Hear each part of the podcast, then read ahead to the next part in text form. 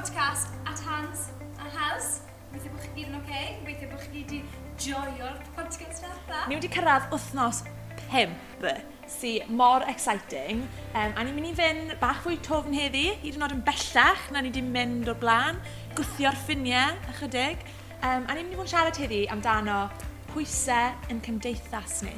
Absolutely casau sy'n ni'n edrych. Mm. Ni'n glamoriso'r idea yma o pwysau perffaith dim fod yn skinny ddim yn ei wneud ti'n hapus os mae ti'n hapus yn yeah. hun. Yn twmlo fel o'n i literally ddim yn edrych fel neb arall. Like, dyma'r tryma i fi wedi bod ers fel blynydde, ond dyma literally yr hapusau i fi ar yr un pryd. Ac fi'n gwneud pwynt o wneud hwn heb make-up. O'n i'n twmlo fel oedd rai fi cwato a oedd rai fi wneud wrth amdano fe.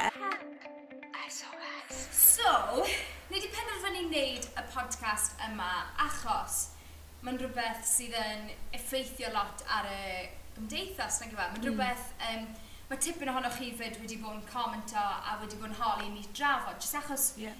mae'n rhywbeth enfawr yn ein byd ni nawr, a fi jyst genuine ni'n teimlo fod cymaint o bwysau ar y pobl ifanc mm. a phlant i edrych fel, yeah. like, ffordd penodol, fel nes i darllen lan a oedd un ffigurau'n dangos bod fel um, one in three girls feel angry about the way they look. Angry? Yeah, fel, achos nhw ddim yn edrych a certain type yna, oedd yn hala nhw'n grac. Mm. A wedyn oedd hwnna fel, ie, yeah, mae angry yn rhywbeth fel... Yeah, really odd, he? Ie, yeah, mae'n obviously, mae'n frustrating. Mm. Mae hwn yn really ddiddorol, fi'n fi dwlu ar y, ar y sgwrs yma yn barod, neu'r thema yma, mm. achos fi'n credu, I mean, fel pobl ifanc, i ni yn, ni dan pwysau o bob cwr o'n byd ni. Neu gen i, ti'n yeah. i ni dan pwysau o, falle o fewn ysgol neu'r byd gwaith neu'r neu brifysgol, ti'n modd, yn academaidd falle, i ni dan bwysau um, yn romantis efallai, ond fi'n credu heddi ni'n mynd i ffocysu bach fwy ar um, pwysau y gymdeithas i wneud ni falle edrych ffordd penodol neu bihafio ffordd penodol. Yr agwedd yna ni'n mynd i ffocysu arno, ond mae'n bwysig i just tynnu sylw bod pwysau'n dod o bob cwr. Um, yeah ti di teimlo fel ti di cael profiad o gorfod edrych y ffordd gywir? Mm. Bendant. Um, Sa'n gwybod os mae'n rhywbeth mae pawb yn profi at rhyw bwynt, ond fi'n teimlo fel o brofiad fi a fel ffrindiau fi a cym, cymuned agos fi, fi'n teimlo fel bod pawb i ryw raddau yn ryw agwedd o bywyd nhw wedi teimlo rhyw fath o bwysau um, yn bersonol i fi, pan o'n i'n tyfu lan, ges i um, acne really gwael, fel dim just tymod cwbl o spots now and again, fel mae bob um, teenager yn cael, ond um, acne really gwael, um, mor wael oedd rai fi fel mynd i apwyntiadau yn yr ysbyty, ar y meddyginiaeth really cryf hyn, um, sydd â loads o side effects horrible. Like, yeah, o'n i'n twmlo gymaint o bwysau, achos fel merch ifanc, ti'n meddwl, mae golwg yn rhywbeth huge. Mm. Um, a o'n i'n twmlo fel, o'n i literally ddim yn edrych fel neb arall. Mod, mae fe'n rhywbeth mwy meddygol, ti'n modd. Oedd e ddim yn just, o, oh, ti'n cael sports, get over it. Oedd e'n um, oedd e'n gas, ond fi'n credu problem fi oedd o'n i just fel, o'n i'n siŵr sut i ddelio gyda fe, o'n i'n tymlo'n gyfforddus yn crôn fi o gwbl, cos ti'n bod, ges i profiadau lle falle oedd pobl wedi um, tynnu sylw at crôn fi, neu comments amdano fe. Ti'n bod, mae pobl, mae plant yn gallu bod yn horrible. Um, so, yn enwedig pan o'n i'n ifanc, bydde pobl fel, bydde pobl yn unashamed i just siarad ar y crôn fi, o flan fi, um, ti'n oce okay fan fi, whatever. So, oedd e'n rhywbeth oedd yn, tymod, yn bersonol i fi yn cael fi lawr. Like, mae'n mynd i, obviously. Ond fi'n credu problem mwyaf fi oedd, o'n i fel, oce, okay, mae rai fi cwto crôn fi, mae rai fi, tymod, o'n i'n gwisgo concealer rhyw fel, ti'n cofio'r concealers fel stick concealers yna, rei sichor, bod yna, o'n i jyst yn sgrwbo fe dros gwyneb fi gyd. A o'n i'n mynd gwisgo make-up o gwbl, so bydde, bydde grôn fi jyst yn hollol wyn. Um, Bydde fi ddim even yn cyfro spots mor dda na, chos o'n i'n gwybod beth oedd make-up da, nôl yn y dyddiau. Nawr, lle cyfro unrhyw beth. Oh, honest, mae'n dalent. Um, ond ie, yeah, so bydde fi jyst yn gwisgo concealer, dim byd arall. A o'n i literally ddim yn teimlo'n gyfforddus i adl y tŷ, heb, heb cwoto o'r, i ryw faint crôn fi. Um, a nath na, nath na bara blynydde, achos mod, mae unrhyw un sydd wedi delio gyda acne rili really gwael yn gwybod, dwi e ddim yn just diflannu dros nos. Um, mae rhaid ti fod yn am yn ethgar. Um, a erbyn heddi mae clon fi loads well, ond ti'n mae wedi gadael i hole, mae loads o scars gyda fi, a fi ddim nawr cant y cant yn gyfforddus yn cron fi, ond um, i fi lot fwy cyfforddus yna fe nawr, a, a fi'n credu rhywbeth i fi mae'n tynnu sylw ato nawr yw fel, un o'r resymau ni'n twmlo fel oedd rai fi cwato a ddrai fi wneud rhywbeth amdano fe i edrych fel pawb arall oedd achos o'n i'n gweld neb oedd yn edrych fel fi. Ti'n ffili cwoto gwyneb ti, like, dyma beth mae pawb yn gweld. Um, Byddai fi'n gweld neb ar fel cyfryngau cymdeithasol yn edrych fel fi. Ti'n modd, oedd neb, ond o'n i'n gweld neb ar teli, oedd yn edrych fel fi. A, ti'n modd, oedd pawb yn airbrushed. Even os oedd cron gwael gyda pobl, byddai ti'n gweld e.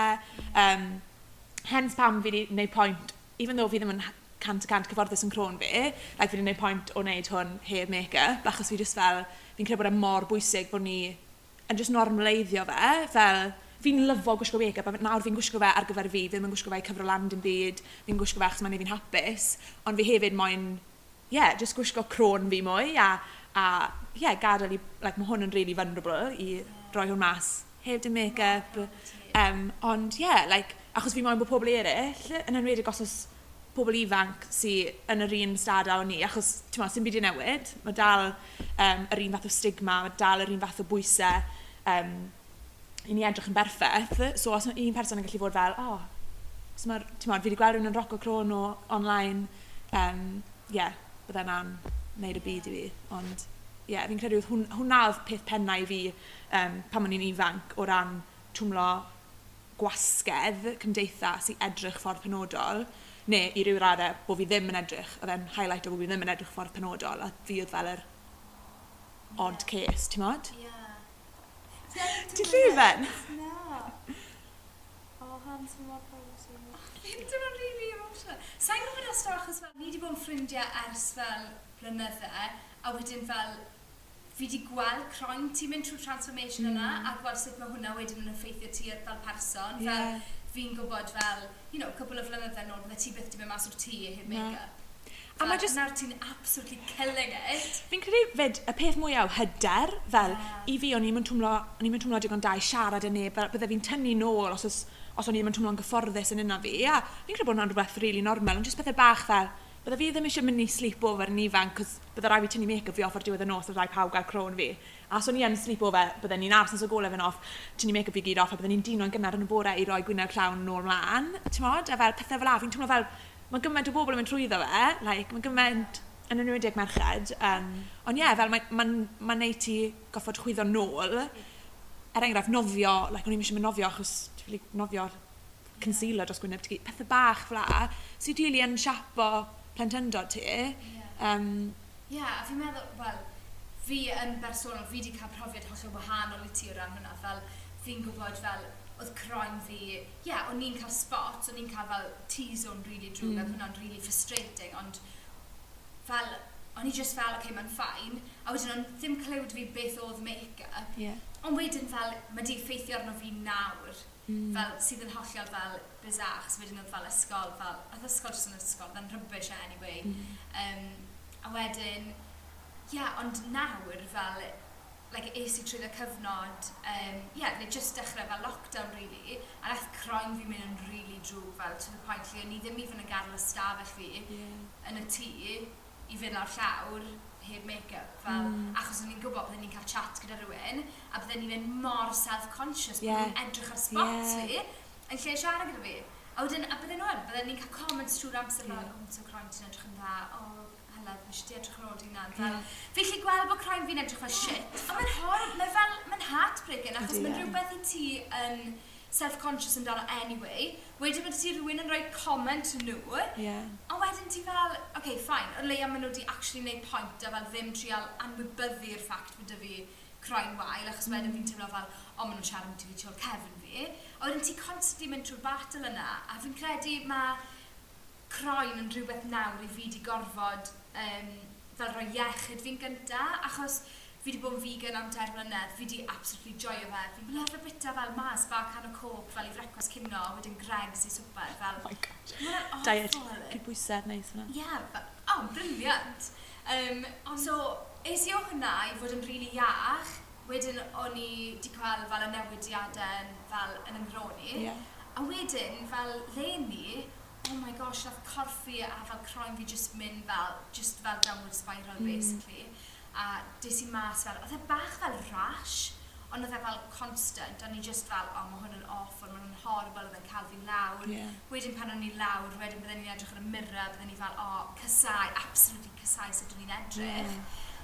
A wedyn just meddwl, okay, nawr, mae'n rhaid fi roi iechyd fi gynta, achos o'n i mor fel malnourished. Yeah. A fel, fi'n credu bod e yn bizarre sut mae popeth yn linked i'r croen, mm. yw e? Mm. Ie, yeah, mae'n diddorol ti wedi sôn amdano ti'n modd iechyd fyna. Mm. Um, a fi'n credu bod hwnna'n rhywbeth bwysig i ni falle i gyffwrdd arno wrth sôn amdano pwysau cymdeithas, achos yeah. fi'n credu gyda beth i ni'n siarad amdano, ti'n modd mae iechyd yn rhan o'r sgwrs hefyd, achos um, er enghraifft fyna ti angen edrych ar ôl iechyd ti. Mm. Ond os ni'n falle meddwl amdano um, agwedd arall fel um, pwysau yeah. hefyd, ni dan o pwysau cymdeithas i fod falle pwysau penodol neu mae pawb ar ryw fath o um, sylw i wneud amdano pwysau yn gilydd. Um, mae hwnna wedi glymu gyda iechyd, achos yn aml, os ni'n siarad amdano pwysau nawr, ti'n modd, mae rhywun yn colli lot o bwysau a mae pawb ar rhywbeth rhywun, mae pawb fel, oh my gosh, ti'n edrych yn fab! Ni mor gloi i fod fel, waw, ti'n edrych mor iachus, yeah. ti wedi colli loads o bwysau, a fel, ni'n hype o hwn lan gymaint, um, sy'n ffain, like, gret i gweithio pobl yn edrych yn dda, ond fi'n credu ni'n neidio i hwnna'n rhy gloi heb cwestiynau a fod fel, o, oh, ti'n trio colli bwysau? Fel, yeah. i ti'n trial, ti'n mynd i'r gym, fel, ti'n modd, like, yeah. beth sydd wedi digwydd, beth sydd wedi newid. Yeah. Um, achos ti'n modd, mae iechyd meddwl um, a problemau iechyd meddwl fel wedi clymu mor agos gyda hwnna'n aml, ni'n glamorize o'r idea yma o pwysau perffaith, neu fel, oh my god, ti'n colli pwysau, like, mae hwn mor awesome, ti'n edrych mor bert, neu ti'n edrych mor handsome, yeah. ti'n edrych loads gwell. Yeah. Ond realistically, like, mewn sawl stori, yeah. mae'r iechyd wedi cymryd hit. Ydy, achos fel, mae hwnna'n un peth i fi di fel profiadu llynedd, oedd fel ffrind gorau fi, oedd hi'n mynd trwy um, dau so i pobl sydd ddim yn deall fel dyna lle mae person yn stopo rai uh, insulin i hun nhw achos bod nhw'n meddwl bod e'n neud nhw'n dew. Yeah. A wedyn, nath hi, oh my gosh, nath hi colli cymaint o bwysau.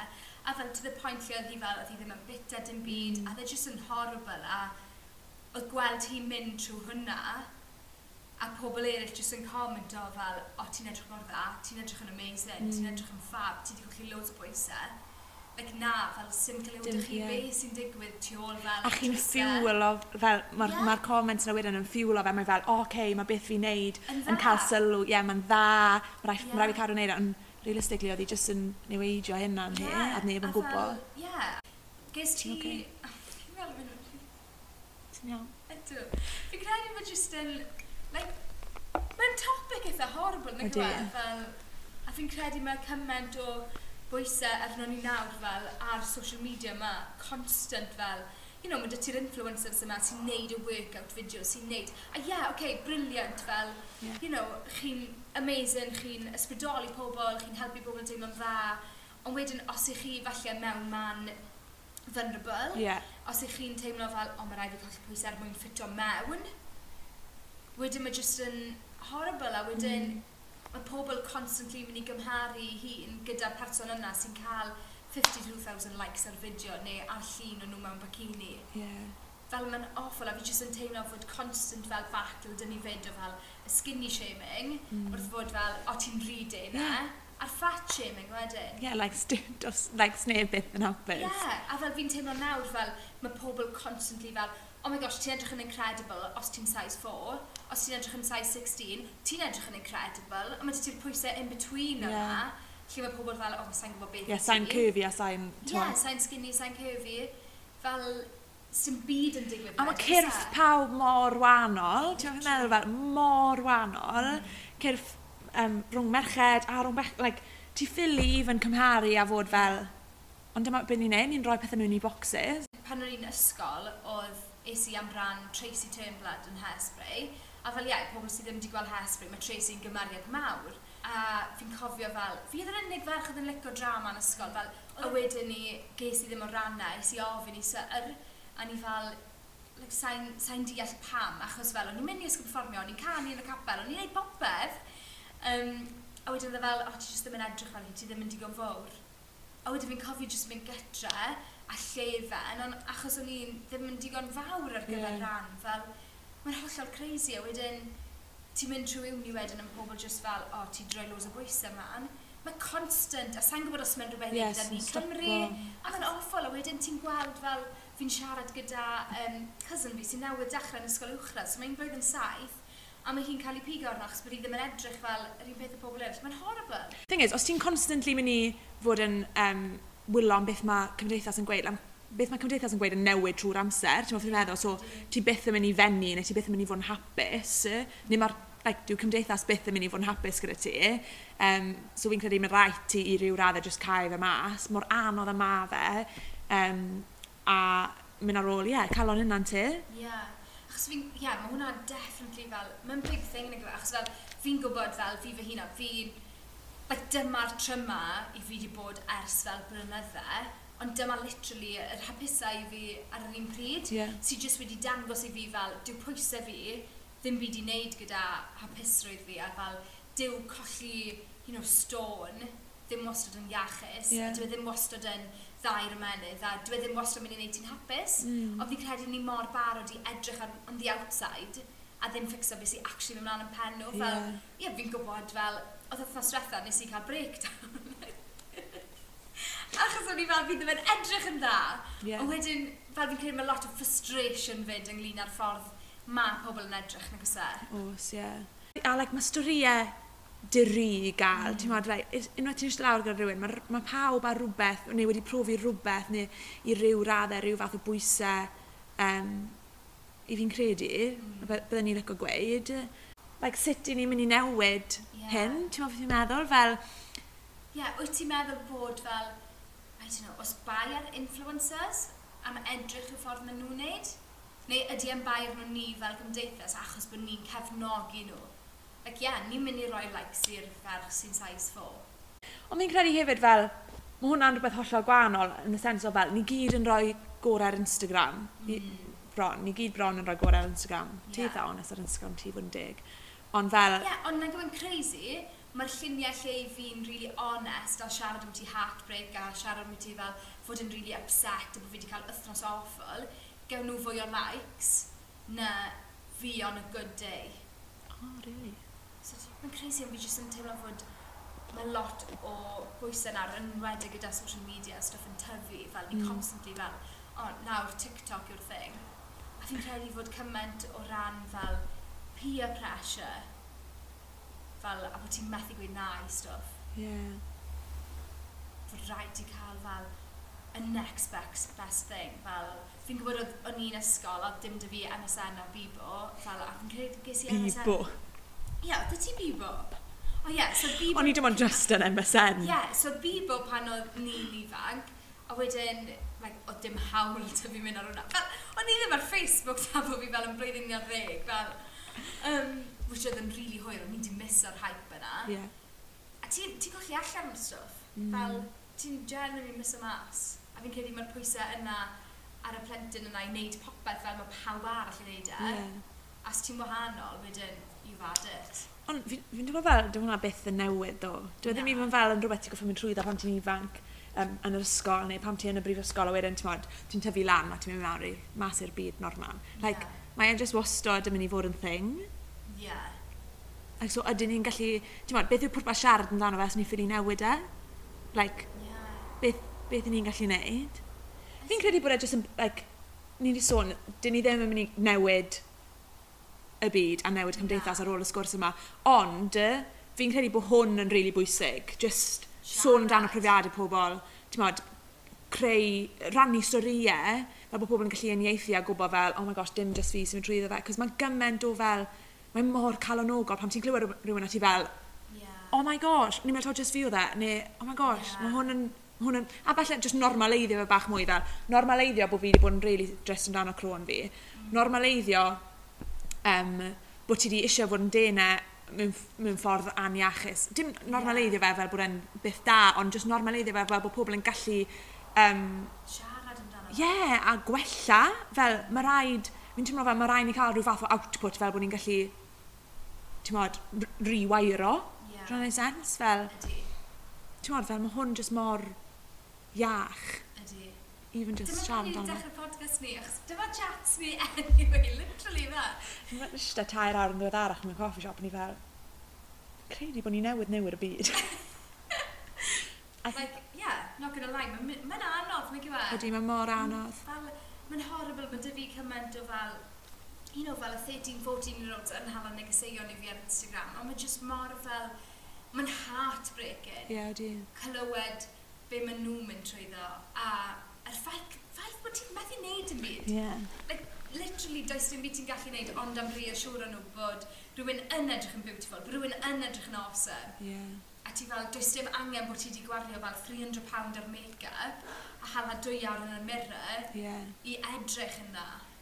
Ie, yeah, a fi'n credu, um, ar yr ochr arall hefyd, os ni'n siarad amdano, ni wedi siarad amdano ni falle, o dan pwysau cymdeithas, ond yeah. os ni'n siarad fel amdano'r cymdeithas, mae eisiau bod ni falle mwy parod i um, gwestiynu hynna ni, siwt i ni'n yeah. ymateb mm. i pethau fel pan mae rhywun wedi colli lot o bwysau. I ni'n mynd i just fynd a gweud, oh my god, ti'n edrych yn awesome great job, ti'n gallu rhywun pwysau, neu ni'n mynd i fel edrych ar ôl yn gilydd. Ti'n meddwl fel, fel o mewn, neu'n siŵr bod pawb yn neud yn oce. Okay. Um, yeah, yeah, cos fi'n gwybod pan o'n i wedi mynd trwy ffeis o colli pwysau, o ti fel, wyt ti'n trio colli pwysau? o'n i? Ie, yeah, pan o'n i wedi mynd yn obses gyda'r gym, oh. ond wedyn, oedd hwnna'n rhywbeth fel, o'n i'n just yn joio redeg. Yeah. Fel o'n i'n absolutely lyfo fe, fel fi dal yn, ond mae dy fi perthynas iach gyda'r yeah. redeg nawr, whereas fel, um, cwbl o fisioedd yn ôl, byddai ni wedi bod fel, o, mae rhaid fi'n mynd am rhan, mae rhaid fi'n neud hwn, yeah. mae hwn yn neud fi'n skinny. Yeah. Fel, ond dyw fod yn skinny ddim yn ei wneud ti'n hapus, os nag ti'n hapus yn yeah. dy hun. Ie, yeah, so fi'n credu mae'n rhaid ni watcho beth ni'n gweith. Beth ni'n gweith yn gilydd hefyd, yeah. fel, ti'n fi'n edrych nôl nawr pam ges i, um, pam ges i diagnoso celiac, yeah. a ni, ti'n fi fi wastad wedi bod yn dal, ond fi wastad wedi bod yn eitha slim. Um, a bydda pobl wastad yn ei comments amdano fe, fel, oh my god, ti'n really slim, a ti'n, di metabolism ti jyst yn really dda, neu bethau fe. Cos o'n i'n mynd, ti'n modd, ormodol yn neud chwaraeon, ond ddim yn neud crazy chwaraeon. Um, Ie, yeah, a wedyn nes i, ti'n meddwl, dim syniad gyda fi bod actual corff i ddim yn gweithio, fel ges i diagnoso yn lefel A gyda celiac disease, sy'n basically yn meddwl o'n i'n cael dim o nutrients fi, fel o hwnna'n cyfrannu at y ffaith bod fi'n slim. Um, ti'n meddwl, realistically, oedd penderfyniad gyda fi fod fel, oce, okay, os i fi yn sorto hwn mas newid diet fi a edrych ar ôl corff fi, um, falle na i golli hwnna, falle na roi pwysau ymlaen, falle bydd pobl yn gweld fi'n wahanol, falle na i cael llai o sylw, falle na i Tewa, bydd pobl yn credu byddai'n llai pert, uh, pethau hyn, hyn i gyd. Um, so oedd rai fi'n neud y penderfyniad yna fel i fi'n mynd i dynistrio corff i, sy'n gyda loads o repercussions, neu i fi mynd i edrych ar ôl corff i a just fel caru fe, ie, yeah, edrych ar ôl yna fi. Ond mi'n credu, o'n i'n really lwcus yn y ffaith, ti'n modd, ni wedi siarad um, yn y gorffennol amdano sut ni wedi cael codi, fel, fel oedd rieni fi byth yn sôn amdano pwysau neu, neu crôn fe, fel, o'n nhw'n just moyn bod fi'n iach, fel bydde mam yn mynd â fi doctor am crôn fi achos o'n i mor upset amdano fe. Dim achos oedd hi fel, oh my god, mae crôn ti'n really wael. Um, a oedd hi, oedd hi wastad yn siarad amdano unan hi'n really positif, a fi'n credu bod hwnna'n thing masif. Fel, tas o fi wedi tyfu lan a mam fi wastad yn siarad amdano pwysau, fi'n credu bydde fi wedi bod lot fwy obses gyda pwysau fi, a falle pam dath e'r penderfyniad yna, pam ges i diagnoso, falle bydde fi ddim wedi edrych ar ôl un corff un yr un ffordd, achos bod fi wedi bod mor sidelined gyda, oh my gosh, mae rai fi fod pwysau penodol neu mae rai fi edrych ffordd penodol. Ond like, oedd hwnna byth yn sgwrs yn ein teulu ni, oedd e jyst wastad fel, fi'n credu bod hwnna'n rhan masif. Achos fi'n twmlo even pan fi rownd pobl, fel ti'n fynd rhan ti mewn grŵp o bobl a mae pawb yn siarad amdano pwysau, ti fel, oh my god, na fi'n mor conscious amdano pwysau na fi, a fi byth wedi bod, fi'n like, fi hapus gyda seis fi, ond nawr, mae pawb yn siarad amdano fe, falle bod fi angen colli pwysau. Like, Mae fe bendant yn dylanwadu arno, ie, yeah, sut ti'n meddwl? So, rhaid ti sicrhau bod ti'n, like, bod pobl sy'n o amgylch ti, yn pobl sy'n iach i ti, ti'n meddwl, meddwl, yn siarad gobeith a fel cariad mewn i bywyd ti, dim pethau, like... Yn y gyrthol yna. Ie. Yeah. Yr insecurities fe, dy fe. Mm.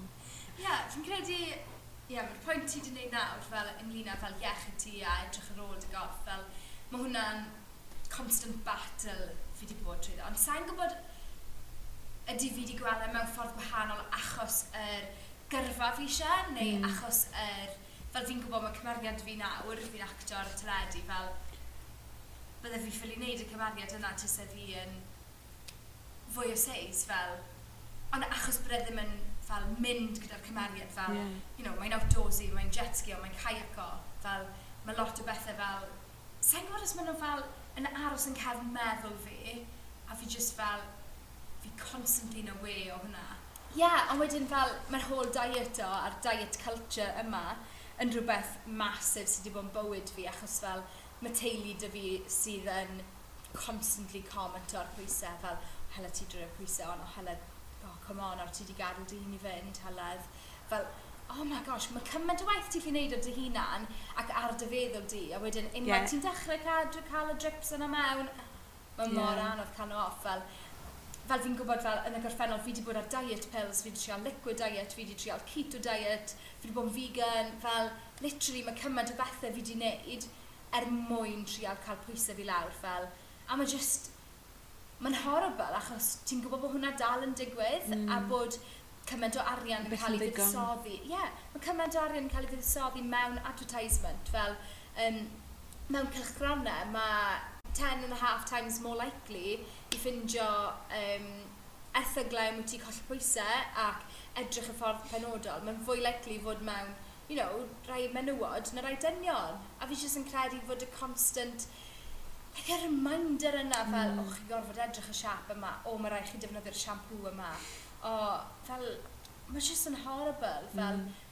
a nawr mae di mynd yn pethau mor artificial, fel, o, mae rai ti cael dannedd gwyn, mae rai ti cael eyebrows ti di wneud, um, mae rhaid ti cael baliage yn gwallt ti. Mae rhaid, ti'n meddwl fel, mae cymaint mm. o hmm. stwff fel, o, os nag ti'n gwisgo match and two-piece outfit ar gyfer gym we ti, fel, pwy fy nhw ti. Yeah. A fel, sa'n gwybod fel, os ydyn ni byth mynd i fel, stopio fe. Fi'n credu mae'n dechrau gyda bob un o'n i'n y gwe. Like, mm. Mae dyletod gyda ni gyd i fod yn garcus gyda beth i ni'n bwydo mewn i'n cymdeithas ni. Like, mm. Pa fath o feddylfryd sydd yn mynd mewn, yn dod mas o'n ceg ni. Yeah. Um, a ie, yeah, mae hwnna'n mynd yn bendant cael fel ripple effect. Mm. Mae'n mynd i effeithio pobl. Um, ond ie, yeah, mae'n waith caled i newid rhywbeth sy'n mor yeah, systematic. Na, ond fi'n credu fel o ran... Ie, yeah, y pwysigrwydd i ni ar gyfer y sgwrs yma yw i ferched ac i fechgyn sy'n gwrando fel, fi honestly fel, fi yn teimlo trend just o boes. Fel, yeah. Fi'n meddwl bod lot o bwysau bechgyn, fi'n meddwl os mae bechgyn gyda acne neu um, spot, mae'n cymaint fwy annaturiol i nhw defnyddio make-up, yeah. dyn nhw ddim yn ei gyfro fel lan, maen nhw'n just mynd i cuddio yn y stafell nhw a chwarae yeah. Xbox. Just neb yn cwestiwn ni pam maen nhw'n cuddio i hunan. Yeah. Ond yn credu bod e just mor bwysig fod y pobl sy'n gwrando just yn gwybod, you know, fod yn normal i deimlo'r stwff i chi'n teimlo, Ond fod e hefyd yn normal i ddim i edrych fel y pobl yeah. chi'n gweld ar social media. A yeah. falle bod e hyd yn oed yn ceis o fel, os yna gyda'r person yna neu chi deimlo'n well fel person, yn ffolwch y person. Oh my god, fi wedi neud na. Fi wedi just clai mas fyd fi. Yeah. A fi wedi dilyn pethau si fel, pobl sydd â croen gwael. Pobl sy'n dim cymeradwyo fe, ond sy'n normaleiddio fe. Fel fi'n gweld cellulite ar ffydd fi trwy'r amser, neu fi'n gweld ti'n modd, pobl o bob lliw, bob siap, bob lliw. ti'n modd? yeah. a fi'n credu bod hwnna'n rili really bwysig, fel be sy'n ar ffydd chi, cos dyna beth, like, beth efo sy'n mynd mewn, sy'n mynd o mas. Ben dant yn ei gwaniaeth. Mm. Ben dant. Ydy. Ar y nod yn yna, fi'n credu bod hwnna'n ddechreuad gwych i'r sgwrs. Oh my gosh, hang on. Fi angen just gweud, Llongyfarchiadau, Miss Hannah Gwenllian Thomas, yn rhaid dosbarth cyntaf. Dwi'n edrych o'n mas. Pai. Um, mae Hannah, os chi'n gwybod, wedi graddio gyda graf dosbarth cyntaf. Mm. Llongyfarchiadau i bawb sydd wedi graddio mor awesome Graduates 2020, ni wedi gwneud mor dda i feddwl am y sefyllfa ni ynddo. Literally, chi'n amazing. Tynwch mewn i'r podcast wythnos nesaf.